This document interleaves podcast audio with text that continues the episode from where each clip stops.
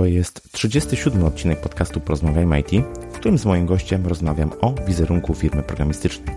Merytoryczne rozmowy o IT wspiera Polecaj Home.pl, program partnerski, w którym zyskujesz nawet 400 zł za polecenie hostingu www.polecaj.home.pl. Przesłuchaj do końca, będzie ciekawy konkurs. Przypominam, że w poprzednim odcinku poruszyłem temat pracy zdalnej. Chcę poszerzać horyzonty ludzi z branży IT i wierzę, że poprzez wywiady takie jak ten, publikowane jako podcasty, będę to robił z sukcesem. Wielkie dzięki za wszystkie maile, wiadomości i recenzje podcastu. Ja się nazywam Krzysztof Kępiński i życzę Ci miłego słuchania. Odpalam.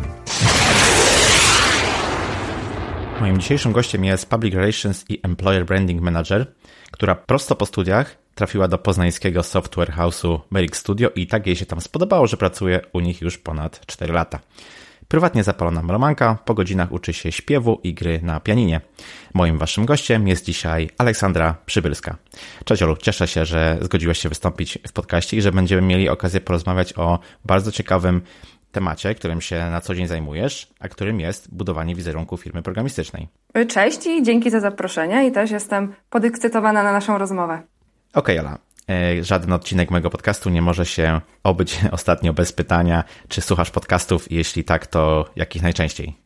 Powiem Ci tak, ja osobiście jestem wzrokowcem, więc e, u mnie musi być tekst, więc ja bardziej czytam niż słucham, e, nie licząc muzyki, ale żeby tak się troszeczkę obronić, to powiem, że wiem, że dużo programistów u nas, no, dużo devów słucha podcastów i nawet z tego, co wiem, jak opowiadałam kolegom, koleżankom z pracy, że będę z Tobą rozmawiać, to znali, więc e, gratulacje. Jesteś rozpoznawalny u nas w firmie. Cieszę się bardzo. Cieszę się bardzo. Wiesz, no, może jakoś się przekonasz bardziej do, do podcastów po tym, jak w takowym wystąpisz. Kto wie. Nigdy nie mów nigdy. Dokładnie. Okej, okay, Ola, to przejdźmy może do y, pytań z y, tematu, o którym chcemy porozmawiać. Y, bo dla mnie budowanie wizerunku firmy to jest takie połączenie działań właśnie public relations i employer, employer E, branding. Czy mogłabyś pokrótce powiedzieć, czym są te działania i jaka jest pomiędzy nimi różnica? Employer branding i e, public relations to są tak naprawdę dziedziny, które się uzupełniają. EB e wychodzi z marketingu i marka jest jakby nierozerwalnie połączona z pracodawcą. I tutaj celem jednego i drugiego jest zbudowanie pozytywnego wizerunku firmy, gdzie employer branding skupia się na grupie odbiorczej pracowników, i zarówno potencjalnych, jak i obecnych, a PR jest po prostu troszeczkę szerszy i tutaj też są ten, jest też ten klient, y, do którego kierujemy treści. I tak naprawdę tutaj chodzi o potrzeby człowieka, że gdzie w przypadku PR-u y, właśnie jest potrzeba klienta, w employer brandingu jest y, pracownik i kandydat. I tak naprawdę można stwierdzić, że mm, podobieństwo jest w tym, jak zaczynają się te działania, czyli zaczynają się od zbierania i analizy danych związanych z odbiorcą treści, czyli z tym klientem albo pracownikiem. E, I dopiero wtedy jesteśmy w stanie budować ten wizerunek, mając te dane, bo procesy poniekąd też są podobne. W obu przypadkach jest konieczna znajomość tego odbiorcy i mhm. sposobów, jak do niego dotrzeć. Jasne. Myślę, że jeszcze sobie do e, szczegółów tutaj wrócimy. Natomiast mhm. przedstawiając Ciebie, wspomniałem, że pracujesz w dziale właśnie Public Relations i Employer Brandingu w poznańskim mhm. Software House y, Merrick Studio. I czy w związku z tym musisz być obeznana ze światem technologii, wiesz, musisz znać slang programistów, cały ten buzzword, który się z IT kojarzy, żeby wykonywać swoją pracę na co dzień? Znaczy tak naprawdę nie ma konieczności, żebym wiedziała wszystko od A do Z ale no wypadałoby, żebym potrafiła e, odróżnić frontend od backendu albo framework mhm. od języka programowania. Mhm. E, bo jednak w pracy komunikuję się z przedstawicielami branży, zarówno jakby w biurze, czy, czy, czy w social mediach, czy na eventach, które organizujemy. Więc trudno mhm. by tego było tak naprawdę nie poznać tak dość naturalnie.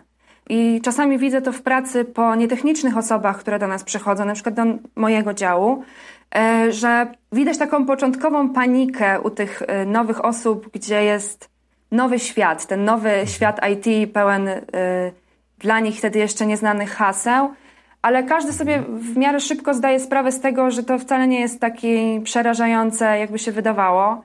I u nas na przykład wygląda to tak, że każdy nowy pracownik w pierwszych tygodniach swojej pracy ma okazję spotkać się z każdym headem działu i dowiedzieć się, co i jak działa więc wystarczy kilka tygodni, miesięcy, zależy jak tam kalendarze się układają, jak to szybko łapie rzeczy i tak naprawdę te buzzwordy i ta wiedza sama wchodzi do głowy. Mhm, mhm, pewnie. Wiesz, bo, bo, ja mam takie wyobrażenie właśnie o y, działaniach, powiedzmy, public relations, że to jest domena dużych korporacji, wielkich firm, jakichś koncernów, które, które muszą dbać o, o swoją, e, swój wizerunek. I powiedz, powiedz, czy Software House potrzebuje aktywnie dbać właśnie o, o public relations? Tak naprawdę każdy powinien dbać o public relations. Y, niezależnie od tego, czy to jest duża korporacja, czy to jest jednoosobowa działalność, czy tak jak my, firma ma 100 osób.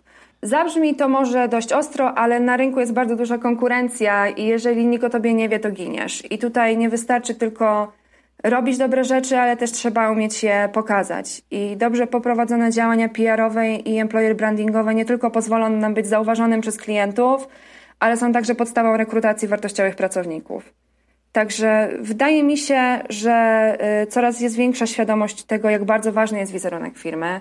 I mając minimalne pojęcie o, o, biznesie, prowadząc biznes, każdy wie, że robienie dobrych produktów czy oferowanie dobrych jakościowo usług w dzisiejszych czasach to, nie, to jest tylko połowa sukcesu, że ludzie muszą wiedzieć y, o nas, żeby chcieć z nami współpracować. Czyli tak jak wyjaśniłaś, powiedzmy każda firma powinna tak naprawdę dbać o ten wizerunek, bo taki mamy, taki mamy rynek. W związku z tym, jak firma programistyczna może dbać o swój e, public relations? Jakie konkretne działania można podjąć w tym temacie, aby poprawić swój wizerunek gdzieś tam na zewnątrz? E, przede wszystkim trzeba sobie odpowiedzieć na pytanie, po co chcemy inwestować ten czas, ten wysiłek, no i nie ukrywajmy też pieniądze. E, nie można tego robić tylko dlatego, że tak trzeba albo że tak inni robią. Koniecznym jest tutaj ustalenie sobie celów, jakie będą nam przyświecać i bardzo ważne jest też ustalenie grupy docelowej oraz person, bo mhm. tylko znając naszą publiczność i wiedząc tak naprawdę dla kogo piszemy, dla kogo tworzymy treści, y, będziemy w stanie kierować właśnie dopasowane treści, które są przydatne i które są potrzebne. Nie możemy tworzyć, żeby tworzyć, tylko musimy tworzyć, żeby odpowiadać na jakieś potrzeby. I mając taką wiedzę, możemy dobrać odpowiednie działania. I to może być czy content marketing, y, czyli tworzenie artykułów merytorycznych, komunikacja z mediami, y, organizacja różnorodnych wydarzeń, prowadzenie social mediów. Tutaj tak naprawdę jest y, ograniczenie żadne, wyobraźnia mhm. i budżet. A czy są, czy są jakieś takie działania, które według Ciebie myślisz, myślisz są specyficzne, powiedzmy, mm, w świecie programistycznym świecie IT, czy to nie ma znaczenia, czy de facto wszystkie działania związane z public relations, z poprawą wizerunku na zewnątrz mogą się sprawdzić dla firmy programistycznej? Są rzeczy, które większość software house'ów robi, czytaj yy, prowadzenie bloga, yy, organizacja eventów, yy, ale tak naprawdę nie ma takiego złotego przepisu na to i żadna, żaden blog, żaden event, żadna rzecz nie jest podobna do drugiej. I to, jak to robimy, jest y, bardzo charakterystyczne właśnie dla odbiorcy. Bo przykładowo my mamy jakąś tam ustaloną grupę odbiorczą, a teoretycznie nasza konkurencja może mieć y, kompletnie inne ustalenia. Mimo tego, że jesteśmy w tej samej branży i robimy y, podobne rzeczy. Okej, okay, czyli stosujemy narzędzie powiedzmy do problemu i do naszej specyficznej sytuacji. To nie jest mhm. powiedzmy tak, że no, ponieważ wszyscy robią bloga, to my też zrobimy bloga i to na pewno odniesie sukces. Tak raczej staramy się tutaj dobierać dosyć świadomie te rozwiązania. Tak, musimy po prostu wiedzieć, dlaczego tego bloga prowadzimy. Mhm, mhm, Kto będzie czytał tego bloga? A czy w praktyce mm, takimi działaniami, które, o których tutaj powiedziałaś, zajmują się osoby zatrudnione w danej firmie, czy jakieś zewnętrzne agencje? Bo mm, ja powiem szczerze, że bardziej wyobraż, wyobrażałem to sobie, że właśnie public relations to jest taka domena, która jest najczęściej oddelegowywana gdzieś do zewnętrznej e, agencji. Są agencje PR, prawda, które się typowo tym e, zajmują. Ty pracujesz w firmie, zajmujesz się tym od środka. Czy, czy to jest e, powiedzmy model, który jest częściej stosowany według Ciebie? To, czy jest częściej stosowany, nie wiem, ale wiem, że tak naprawdę to, czy ktoś decyduje się na zatrudnienie specjalistów, że tak powiem, in-house, czy pracowanie z firmą zewnętrzną, jest zależne od konkretnej firmy. Ja osobiście, no z racji tego, że, że jestem częścią tego poszerzającego się działu marketingu i że współpracuję z działem HR, to skłaniam się ku tej opcji e, in-house, bo mam poczucie, że taki sposób działania pozwala na tworzenie treści dobrze dobranych do, do dla nas, dla Merrick Studio i pozwala także na szybką reakcję na nagłe potrzeby, ale nie uważam, że to jest jakby jedyna słuszna ścieżka. Tak naprawdę co której firmie bardziej pasuje. U nas się sprawdza in-house. Mam nadzieję, że tego nie zmienimy. Mhm. Pewnie. A powiedz, bo wspomniałaś o personie, czyli takiej powiedzmy mhm. opisie osoby, do której chcemy mhm. trafić.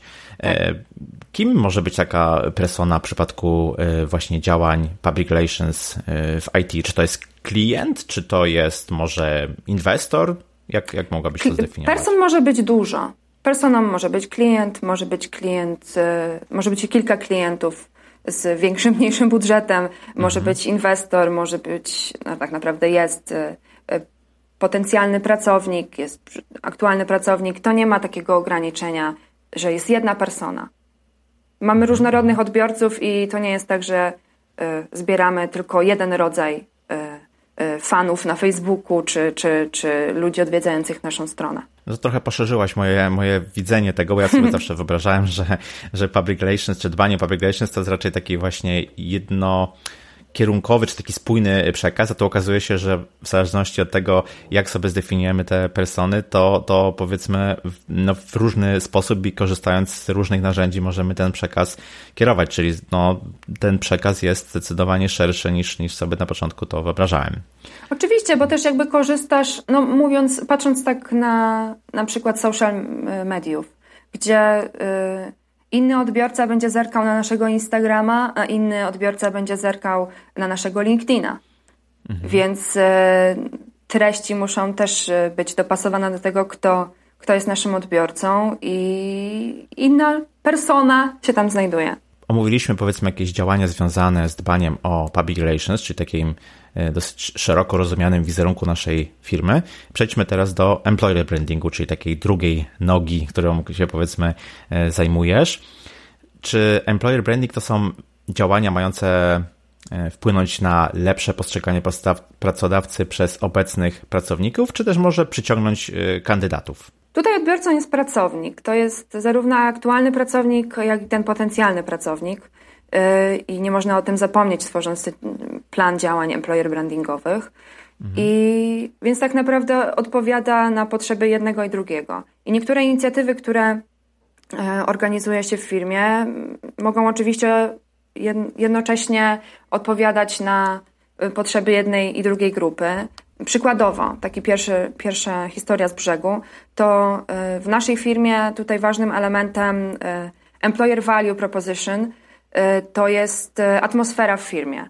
I mimo tego, że Merrick Studio na przestrzeni ostatnich lat dość mocno się rozrosło, to nadal stawiamy na integrację zespołu, nadal stawiamy na częstsze wyjścia, E, niż w niektórych firmach. Jest to po prostu dla nas bardzo ważny e, element i pracownicy to doceniają, e, a osoby, które mają z nami kontakt, czy na przykład podczas eventów, czy obserwując nas na social mediach, to mają szansę przekonać się, że ten młody, dynamiczny zespół mhm. to nie jest u nas frazes, tylko faktycznie to jest dla nas rzecz, o którą walczymy i o którą dbamy. Okej, okay, właśnie pociągnijmy trochę jeszcze ten temat.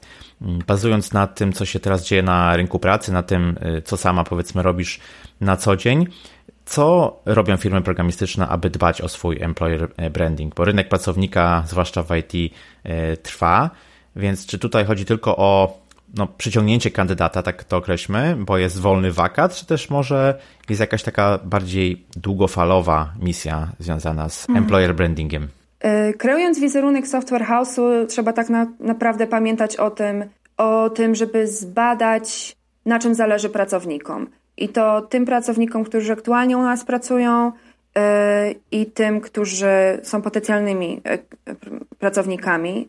I można to zrobić poprzez zbadanie raportów, które są w sieci, można to zrobić poprzez przeprowadzanie ankiet. Tak naprawdę nie ma jednego szablonu, pod który firma może się dostosować. I aktualnie praktycznie każdy software house, ale też nie tylko software house, jest y, obecny w social mediach, prowadzi bloga i to jest bardzo ważny element kreowania wizerunku. Ale mhm. tak jak wcześniej wspomniałam, metod na to y, żeby tego bloga prowadzić jest mnóstwo, więc tutaj nie ma złotej, złotej metody. I, ale to nie oznacza, że nie ma trendów w IT. E, od dłuższego czasu można zauważyć e, dużą popularność wydarzeń, szkoleń, warsztatów. I tak naprawdę, mimo tych krążących po internecie y, historiach, które mrożą krew w żyłach na temat tego, jak bardzo wymagający są programiści, to tak naprawdę rzeczą, która ma dla nich szczególne znaczenie, jest wiedza i możliwość rozwoju. I dzielenie się taką wiedzą nie tylko sprawia, że zwiększamy świadomość marki u potencjalnych pracowników, ale też pomagamy budować społeczność, y, co jest bardzo ważne dla, dla deweloperów. Tak, tutaj zgadzam się z Tobą absolutnie. Myślę, że to jest tak naprawdę win-win z, no, z dwóch stron, prawda? Każdy tutaj korzysta i potencjalni kandydaci i osoby, które już pracują w firmie, bo mogą się tą wiedzą na przykład podzielić i pracodawca, także same, same fajne rzeczy e, z tego wynikają. A chciałbym Cię zapytać e, wobec tego, czym firmy programistyczne wabią kandydatów, na czym budują swoją przewagę wśród e, konkurencji. Chodzi mi o, mm, o to, czym przyciągają nowe osoby do firmy. Czy to jest, no nie wiem, wynagrodzenie, technologia, możliwość rozwoju, jak to z Twojej perspektywy wygląda? Mm, no na pewno wynagrodzenie mm, jest ważnym elementem. Nie ukrywajmy, nikt nie chce pracować za darmo, ale w branży IT mało kto pracuje tylko po to, żeby zarabiać pieniądze, ale większość ludzi pracuje po prostu z pasji. I tutaj na decyzję o wysłaniu tego CV może wpłynąć bardzo dużo czynników. I to tak, między innymi będzie to, z jakich technologii korzysta dany software house, jak wygląda, jak wygląda tryb pracy, czy na przykład jest możliwa praca zdalna, czy możliwa jest praca y, home office, dodatkowe benefity, czyli multisport, opieka medyczna, y, nawet rodzaj klienta, z jakim się pracuje, czy to jest klient korporacyjny, czy to jest na przykład tylko startup. I to jest zależne od konkretnej osoby i konkretnej firmy. Ze względu właśnie na tą różnorodność e, ofert, my postanowiliśmy stworzyć coś takiego jak informal meetings, czyli spotkania informacyjne, w ramach których e, w ramach których potencjalni pracownicy mogą umówić się z nami na spotkanie, mogą e, przyjść zobaczyć biuro, mogą zapytać się, jak się u nas pracuje, mogą zobaczyć, jak się u nas pracuje. I to nie jest rekrutacja. Tutaj tak naprawdę to bardziej my jesteśmy rekrutowani niż osoby, które do nas przychodzą, więc to my musimy się przygotować na spotkanie, a nie osoby nas odwiedzające. I dzięki temu możemy tak naprawdę pokazać, e, pokazać to, jak wygląda u nas praca, a nie tylko o tym pisać czy, czy, czy, czy wrzucać zdjęcia. I y, ludzie mogą przekonać się, Y, jak to faktycznie u nas jest. I dopiero po tych spotkaniach ktoś może zadecydować, czy na przykład chce się umówić na spotkanie rekrutacyjne, y, czy nie. No i właśnie, gdy już mamy tego pracownika, to pracownika trzeba dbać. I można to robić mm, tradycyjnie, czyli poprzez jakieś, no nie wiem, podwyżki, benefity, ale no równie ważne jest to, żeby ten pracownik został u nas w firmie. Równie ważne jest to, żeby czuł się po prostu dobrze ze swoim pracodawcą. I dlaczego firma programistyczna powinna dbać wobec tego o ten swój wizerunek wewnętrzny, o employer branding wewnętrzny, żeby pracownik czuł się dobrze? Jakie cele, powiedzmy, przed takim, przed takim procesem e, kreowania employer brandingu wewnętrznego stoją? Mm, tak naprawdę każda firma powinna dbać o swój wewnętrzny employer branding. To nie jest e, domena IT, aczkolwiek no, po IT to chyba y, najmocniej widać albo jest jedną z tych branży, po której najmocniej widać to dbanie o, o EB, bo rynek jest przepełniony ofertami pracy dla specjalistów, więc jeżeli chcemy tych specjalistów zdobyć i utrzymać, to, to, to musimy o nich dbać. Yy, walka o pracownika jest przecież zacięta, nie tylko u nas. Dbanie o wewnętrzny employer branding wymaga poświęcenia czasu i środków, ale jest e, o wiele lepszą opcją niż e, pozwolenie sobie na duże wydatki związane z kosztownością stałej rotacji pracowników. Więc bardziej po prostu opłaca się inwestować w, w ludzi, którzy już u nas są. To jest bardzo, bardzo ciekawe zdanie, że bardziej opłaca się inwestować właśnie w ten projekt branding, niż pozwolić, żeby ta rotacja nas trochę zabijała lub przynajmniej podkopywała. Okej, okay, no to wobec tego wiemy już, że trzeba o ten wizerunek wewnętrzny dbać, to jakich narzędzi się używa albo z czego się korzysta, żeby zadbać o tę sferę? Aż mi trochę głupio, ale po raz kolejny powiem, że zależy. I to jest zależne od tego, czego pracownicy chcą i jakie mają priorytety. E, bo do motywacji dbania o zatrudnionych pracowników wykorzystuje się systemy motywacyjne, szkolenia, ścieżki kariery, premie projektowe. Tutaj ważne jest badanie satysfakcji oraz e, regularne e, prowadzenie rozmów z pracownikami, żeby móc odpowiadać na ich potrzeby i widzieć, jakie działania warte kontynuować, a jakie powinno, jakich powinno się zaniechać. I do komunikacji oprócz tradycyjnego maila, tak zwany mail do all, można wykorzystywać firmowe newslettery, gazetki wewnętrzne czy intranet. I jednym z narzędzi, które na przykład u nas jest bardzo ważne, e, to są, e, pomijając te, które tam wcześniej wymieniłam, też akcje CSR, CSR-owe. Mhm. To jest Corporate Social Responsibility i na tym zależy naszym pracownikom i tutaj też między innymi duż, wa, dużą wagę przykładamy, tak jak wspomniałam, do integracji firmowej, e, także do możliwości dzielenia się i pozyskiwania wiedzy, e, bo nasi pracownicy też dość często występują na różnorodnych warsztatach, eventach czy meetupach i reprezentując firmę mają jako specjaliści mają okazję zwiększać swoją relację z marką. Ja też obserwuję takie zjawisko, że coraz więcej firm to nie tylko faktycznie, nie tylko z IT, ale ogólnie angażuje się w jakieś inicjatywy takie prospołeczne albo takie, gdzie jest jakiś wolontariat potrzebny i w ten sposób również chcą jak gdyby pokazać siebie jako osobę, jako instytucję, jako firmę, która nie tylko właśnie dba o taki rozwój bardzo zawodowy, albo nie tylko jest związana z e, działaniami zawodowymi, ale również z takim bardziej ludzkim, powiedzmy, e, obrazem. I jestem ciekaw, kiedy w Polsce będziemy widzieli takie właśnie e, działania tego typu. Czy to jest, myślisz, jakiś taki trend, który ma szansę u nas zawitać? Myślę, że on już jest. Mhm. Może jest trochę na mniejszej skali robiony przez mniejsze firmy, ale myślę, że on już jest. Przykładowo u nas w firmie w zeszłym roku robiliśmy akcję walentynkową, e, w ramach której zrobiliśmy paczkę dla e, schroniska pod Poznaniem. Hmm. Na Dzień Dziecka robiliśmy akcję, w ramach której wewnątrz biura, to było, to, było, to jest akcja, akcja, z której jestem bardzo dumna, hmm.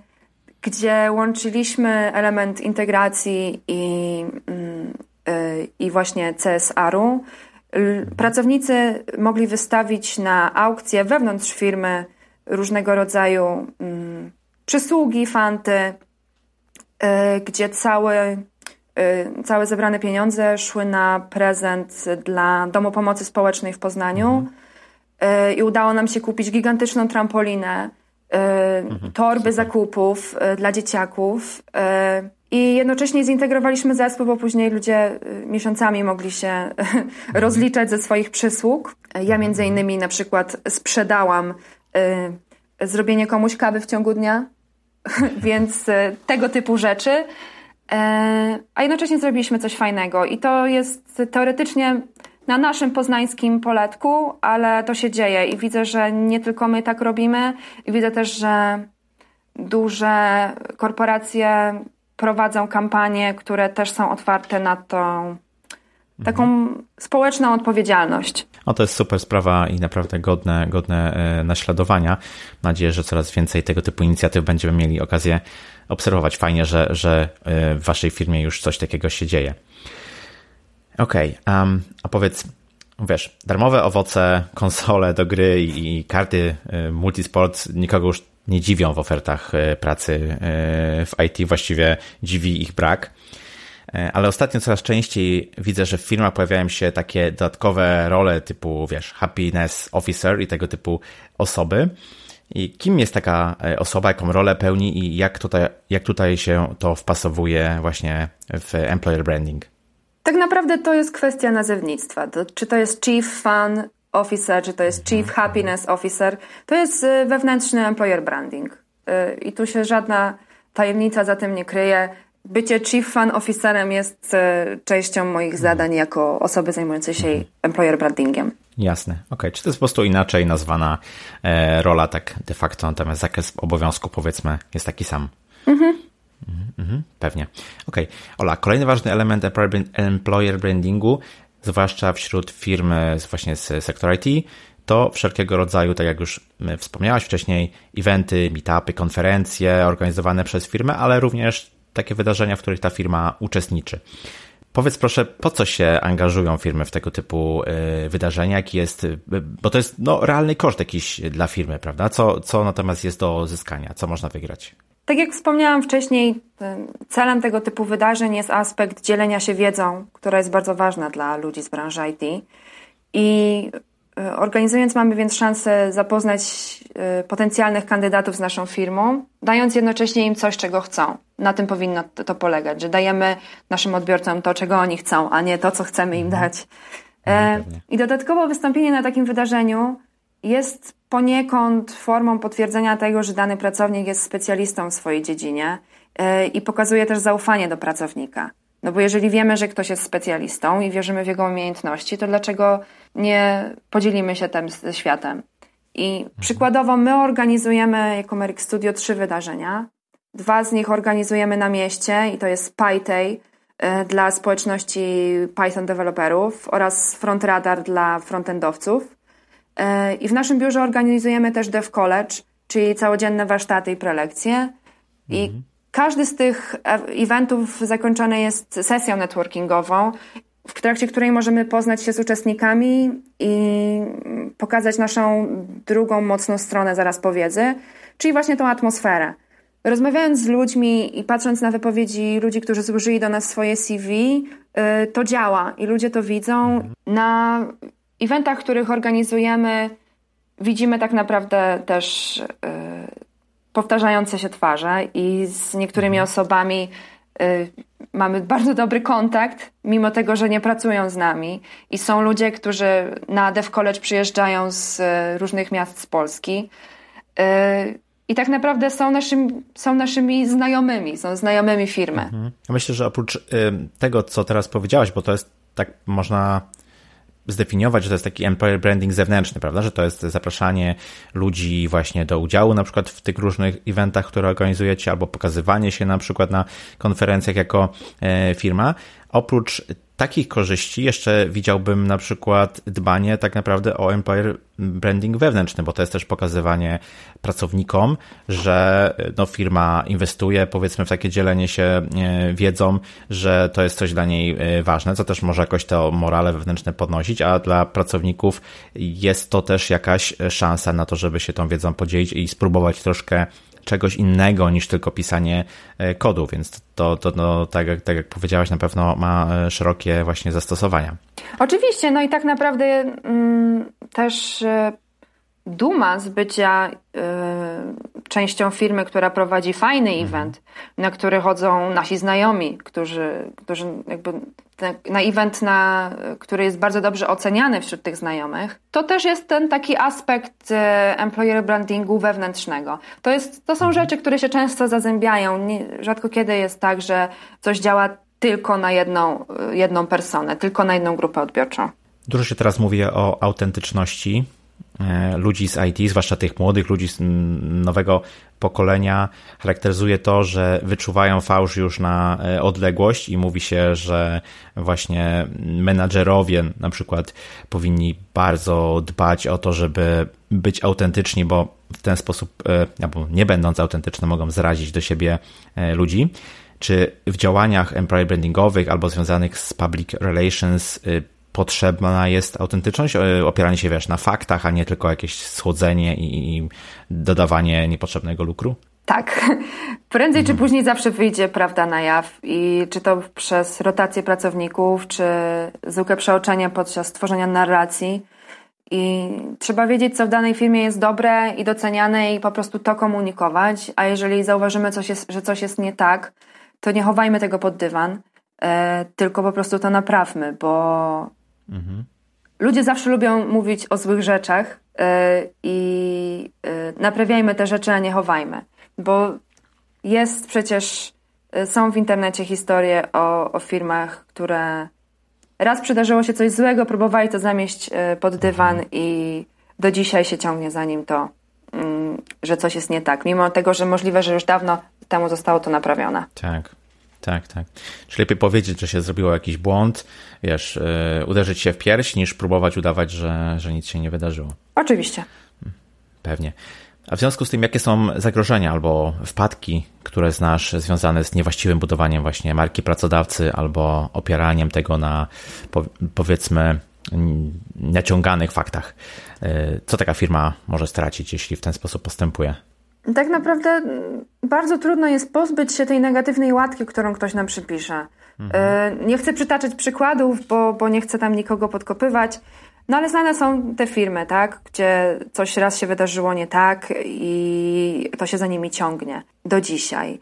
Zatajanie faktów i, tak, i mydlenie oczu ludziom w kontekście długofalowej współpracy stanowczo się nie opłaca, bo prędzej czy później może odbić się czkaw, no, czkawką i wpłynąć na to, że ludzie będą odchodzić albo ludzie będą się bali u nas zatrudniać. Więc yy, po prostu nie opłaca się być nieautentycznym i nie opłaca się nie brać tych wpadek na klatę. A jakie obserwujesz trendy w swojej dziedzinie? W którym kierunku według Ciebie zmierza public relations i employer branding, zwłaszcza w tym obszarze firm technologicznych? Jednym trendem, o których już rozmawialiśmy, to są warsztaty i meetupy. To ewidentnie jest na fali, y, też ze względu na charakterystykę branży, która cały czas się rozwija i cały czas pojawiają się nowe rzeczy, więc cały czas y, branża IT musi poszerzać swoją wiedzę, więc warsztaty i prelekcje, eventy, meetupy, to szybko się nie skończy i to będzie coraz bardziej popularne, mimo tego, że teraz już jest bardzo. No i też wzrastają, wzrasta popularność tych akcji CSR-owych oraz wspieranie pracownika w rzeczach niezwiązanych wyłącznie z jego obowiązkami zawodowymi, czyli innymi z hobby. W IT pracownik nie jest tylko tą taką, mm, tym takim elementem w maszynie. E, jest też po prostu, jeżeli firma jest dobrze prowadzona, jeżeli ma dobrze prowadzony wewnętrzny employer branding, to e, zwracają uwagę na to, jakie są pasje pracownika, e, kim jest jako człowiek. I to jest. Coraz bardziej popularne i to też widać w tym, co się dzieje w wielu firmach w naszej branży. Mhm. A mogłabyś powiedzieć jeszcze kilka słów o tych akcjach pracowniczych, bo to chyba jest coś takiego, co nie jest zbytnio powszechne, albo powiedziałbym, że raczej nowe na naszym polskim rynku. W sensie w tym takim traktowaniu pracownika jak nie, nie tylko jako kawałek maszyny? Nie, chodzi mi o te, nie, nie, chodzi mi o te akcje CSR-owe, te dla, skierowane dla, um, dla pracowników, tak? To, o czym wcześniej wspomniałaś. To jest tak naprawdę zależne od tego, co dana firma mm, kto w danej firmie pracuje. E, teraz e, przecież niedawno był Dzień Ziemi, więc e, bardzo dużo firm zrobiło swoją akcję na ten Trash Challenge, czyli hashtag mhm. w internecie. My też mhm. ruszyliśmy z workami na śmieci i wysprzątaliśmy naszą okolicę. Nie kosztowało to nas praktycznie nic oprócz czasu, a mhm. zrobiliśmy coś fajnego i zintegrowaliśmy się i mieliśmy jakiś tam wpływ na to, co się dzieje wokół nas. E, dla nas na pewno ważnym elementem są te zwierzaki, bo to już wielokrotnie pomagaliśmy. E, jacy są ludzie w firmie, takie akcje się dzieją. Tutaj też, e, no, nie ukrywajmy, instytucji, którym można pomóc, jest mnóstwo. I takie otwarcie na, na ich potrzeby, otwarcie na ich pomoc to też jest rzecz, którą doceniają pracownicy.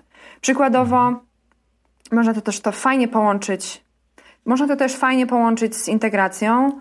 Yy, przykładowo na te walentynki, bo te, o których wspomniałam wcześniej, były mhm. rok temu, na te walentynki yy, pomogliśmy yy, fundacji zajmującej się pomocą bezdomnym kotom i złożyliśmy się wszyscy oraz wysłupaliśmy kawałek naszego budżetu integracyjnego i zbudowaliśmy budy dla bezdomnych kotów. Mhm. Takie porządne, mhm. konkretne budy, E, drewniane, które przetrwają więcej niż, niż jedną zimę. E, I niestety nie są zbyt tanie, ale, ale nie tylko jakby zrobiliśmy coś dobrego, ale też mieliśmy okazję pobawić się e, tymi wszystkimi narzędziami w warsztacie, których nazw już nie pamiętam, ale, ale przygotowaliśmy fajną rzecz i jednocześnie trochę spędziliśmy razem fajnego czasu. Aha, aha. Więc to można ładnie połączyć. Ale dziwi mnie, że nie, nie, nie, nie, nie, nie słyszałeś o tym wcześniej. Nie, raczej, raczej nie. W tych firmach, w których gdzieś tam się obracam, to raczej, raczej jest e, rzadkość. Ale ja nie pracuję jako freelancer, więc to. No ale właśnie, w związku z tym mam jeszcze A. pytanie, e, takie końcowe, jeśli możemy. Brzmi to naprawdę fajnie, co przed chwilą przedstawiłaś, ale zastanawiam się, jak do tego się odnosi e, pracodawca, bo no właśnie, czy te akcje są organizowane jak gdyby wewnątrz, czy w trakcie czasu pracy, czy też poza? No bo wyobrażam sobie, że jeśli w trakcie pracy, no to jednak jest to pewien realny koszt dla pracodawcy. U nas większość tych akcji dzieje się po pracy. Mhm. Przykładowo mm, budy, no to, to nie jest akcja, którą można załatwić w godzinę, więc y, to się działo po pracy, bo jednak pracy trzeba zrobić. Nie jesteśmy tylko mhm, mhm. y, klubem spotkań, y, tylko też y, prężnie działającym Jasne. biznesem. Y, kwestia organizacji tego wszystkiego, kwestia ustalenia z, z, z CEO. U nas, jak były robione aukcje na, na Dzień Dziecka, to działy się one w biurze, bo po prostu nie było takiej opcji. Jak e, trzeba było zawieść, e, zawieść paczkę dla schroniska, e, to też jechałam z koleżanką w czasie pracy, bo to jechały tak naprawdę dwie osoby, więc to nie był bardzo duży koszt. Trzeba wiedzieć, Jasne. teraz to zabrzmi dość może ostro, ale ta godzina, dwie, które poświęciłyśmy na dojazd, tak naprawdę dzięki temu zarobiłyśmy naprawdę bardzo fajny post na Facebooku, pomijając już oczywiście pomoc e, schroniskom, no wiadomo, że to jest najważniejsza rzecz. Ale no, hmm. trzeba włożyć e, wysiłek, czas i pieniądze w rzeczy, żeby mieć fajne efekty dla instytucji, którym pomagamy i też dla nas samych. Super. Ola, ja Ci bardzo dziękuję za ciekawą rozmowę. Myślę, że teraz słuchacze bardziej potrafią sobie wyobrazić, z czym takie działania employer brandingowe i związane z public relations są e, związane. I myślę, że nie ulega wątpliwości, że w świecie branży IT, takiej dosyć specyficznej branży, te działania są potrzebne, czasem wręcz niezbędne. Cieszę się, że mieliśmy okazję porozmawiać i powiedz jeszcze na koniec, gdzie Cię można znaleźć w internecie, jak się z Tobą skontaktować, jeśli ktoś miałby na przykład jakieś pytania jeszcze. Można się ze mną skontaktować mm, na maila a.przybylska małpamericstudio.com e, Można znaleźć moje artykuły na naszym blogu, można znaleźć mnie na LinkedInie, wystarczy wpisać moje imię i nazwisko i Merrick Studio to na pewno się znajdzie. A moją twórczość głównie można znaleźć na naszym firmowym Instagramie, który, który trochę tak e, pozwoliłam sobie przejąć i traktuję jako mój mały mhm. taki projekt poboczny. E, więc jak się wpisze Merrick Studio, to jest mnie tam sporo. No i super. Wszystkie linki podlinkuję w wpisie do, do tego odcinka. Jeszcze raz wielkie dzięki, Ola, i do usłyszenia. Cześć. Dzięki bardzo, do usłyszenia. I to na tyle z tego, co przygotowałem dla Ciebie na dzisiaj. Nie ulega wątpliwości, że firmy programistyczne w dzisiejszych czasach powinny dbać o swój wizerunek i mam nadzieję, że teraz już wiesz dlaczego. A teraz obiecany konkurs. Nagrodą jest nowa polska karcianka Software od firmy U2i, czyli totalnie nierealistyczna symulacja software house'u. Produkt totalnie świeży i zbudowany z wielką pasją. Aby ją zdobyć, trzeba w komentarzu do tego odcinka pod adresem porozmawiajmy o it.pl łamane na 37 odpowiedzieć na pytanie, co według Ciebie najbardziej psuje wizerunek firmy programistycznej. Wśród komentarzy, na które czekam do 25 czerwca, wybiorę zwycięzcę. Zapraszam Cię na Dynamit, czyli wybuchową konferencję IT, która odbędzie się 17 sierpnia 2019 roku w Krakowie. Będę na niej występował z prelekcją w ramach ścieżki hard, czyli technologicznej. Będzie również ścieżka soft. Bilety będą dostępne w sprzedaży już od 30 maja. Po więcej informacji zapraszam na stronę dynamit.pro. Jak zawsze zapraszam do kontaktu na Krzysztof Małpa porozmawiajmy o IT.pl i na fanpage na Facebooku. Miło mi było gościć w Twoich uszach. Ja się nazywam Krzysztof Kępiński, a to był odcinek podcastu Porozmawiajmy IT o wizerunku firmy programistycznej. Zapraszam do kolejnego odcinka już za dwa tygodnie. Cześć!